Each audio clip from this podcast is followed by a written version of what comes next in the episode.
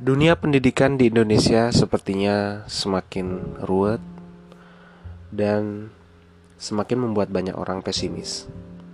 Namun, sosok Nadiem Makarim sebagai Menteri Pendidikan dan Kebudayaan yang dilantik beberapa waktu lalu oleh Presiden Joko Widodo membawa sebuah angin segar yang nampaknya bisa jadi akan menyegarkan kita atau bisa jadi menjadi angin yang dapat meluluhlantahkan hal yang sudah ada.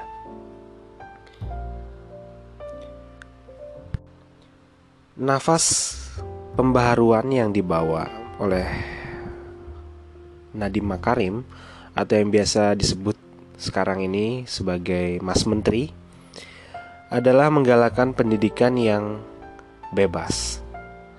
Kemudian lahirlah jargon pendidikan merdeka, kampus merdeka. Sepintas memang hal tersebut seperti suatu solusi yang datang tepat di tengah carut marut kondisi pendidikan di Indonesia hari ini. Akan tetapi, ada hal yang perlu kita persoalkan di sini, yaitu bebas itu seperti apa, dan mau dibawa ke mana pendidikan kita.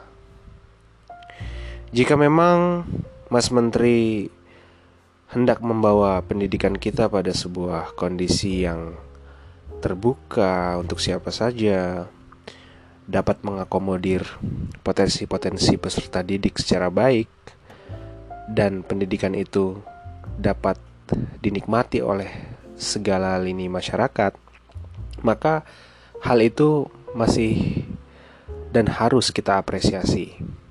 Akan tetapi, bagaimana dengan nalar kebebasan yang ada di balik narasi besar yang dibawakan oleh Mas Menteri tersebut?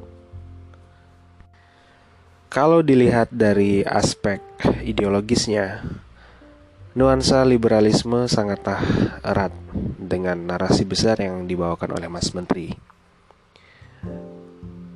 Bagaimana tidak, bahwa memerdekakan itu tidak sesederhana memerdekakan suatu hal yang tadinya dibelenggu karena memang kita tidak dibelenggu secara fisik akan tetapi yang menjadi permasalahannya lagi adalah bahwa merdeka yang dimaksud oleh Mas Menteri adalah merdeka dalam konteks freedom to atau freedom from Hal itulah yang perlu kita kaji dulu.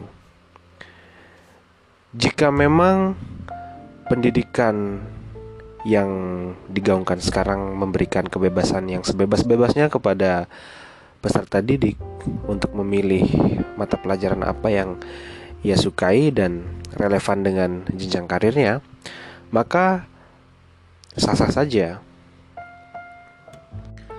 Selain itu juga memang uh, Pendidikan tidak semestinya hanya berhenti pada tahap pada taraf teoretis saja. Pendidikan harus berakhir pada praksis sosial di mana di sana pendidikan itu menghadirkan atau melahirkan manusia-manusia yang siap untuk uh, memberikan dampak yang bermanfaat bagi masyarakat luas. Nah, hal itulah yang menjadi fokus juga dari Mas Menteri terkait dengan program vokasional. Program vokasional ini memang diadopsi dari beberapa negara maju. Kita tahu bersama bahwa negara seperti Jerman, Norwegia, Finlandia, Amerika, Australia, dan masih banyak lagi negara-negara lain yang bisa menjadi role model pendidikan sangat jelas di dalam pembagian pendidikannya di mana ini ranah sosial humanities, di mana ranah vokasional dan di mana ranah-ranah lain yang tidak kalah uh, kontributifnya. Nah, hal itulah yang ingin diterapkan di Indonesia, di mana ke depannya seperti perguruan-perguruan tinggi besar yang masuk di dalam uh, kategori PTNBH atau perguruan tinggi Badan Hukum Negara seperti Universitas Indonesia, Universitas Gajah Mada, kemudian ITB, IPB hendaknya melakukan sebuah uh, perubahan kurikulum di mana akan ada uh, pemersatu dari lintas disiplin yang selama ini masih tersekat-sekat. Bentuk konkretnya adalah akan ada uh, semacam uh, School of Humanities atau School of uh, Teknologi dan sebagainya. Sehingga ke depannya mahasiswa-mahasiswa di Indonesia bisa saja mencicipi pendidikan lintas disiplin yang sebelumnya ia tidak pernah merasakannya. Contohnya, semisal anak filsafat ataupun anak antropologi, anak hukum itu bisa merasakan bagaimana rasanya kuliah uh, di bangku perkuliahan yang yang diajarkan itu adalah materi-materi anak teknik. Nah, seperti itu. Begitu juga anak teknik bisa juga uh, mengambil mata kuliah lintas disiplin yang berada di bawah naungan uh, School of Humanities. Hal ini memang sudah terjadi baik itu di negara-negara maju termasuk di Korea contohnya ataupun di Jerman di mana setiap lintas disiplin, setiap disiplin-disiplin keilmuan yang ada di universitas itu tidak berdiri sendiri karena memang konsep dari universitas adalah lebih kepada penyeimbang antara ranah teoritis dan praktis.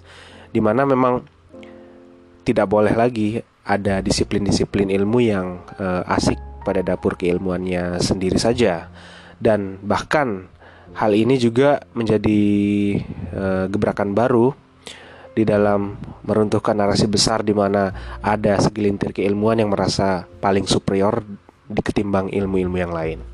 Nah, mungkin hal itulah yang perlu kita apresiasi sekaligus kritisi dari kebijakan-kebijakan uh, yang menjadi gebrakan baru Kementerian uh, Pendidikan dan Kebudayaan yang dikomandoi oleh Nadiem Makarim.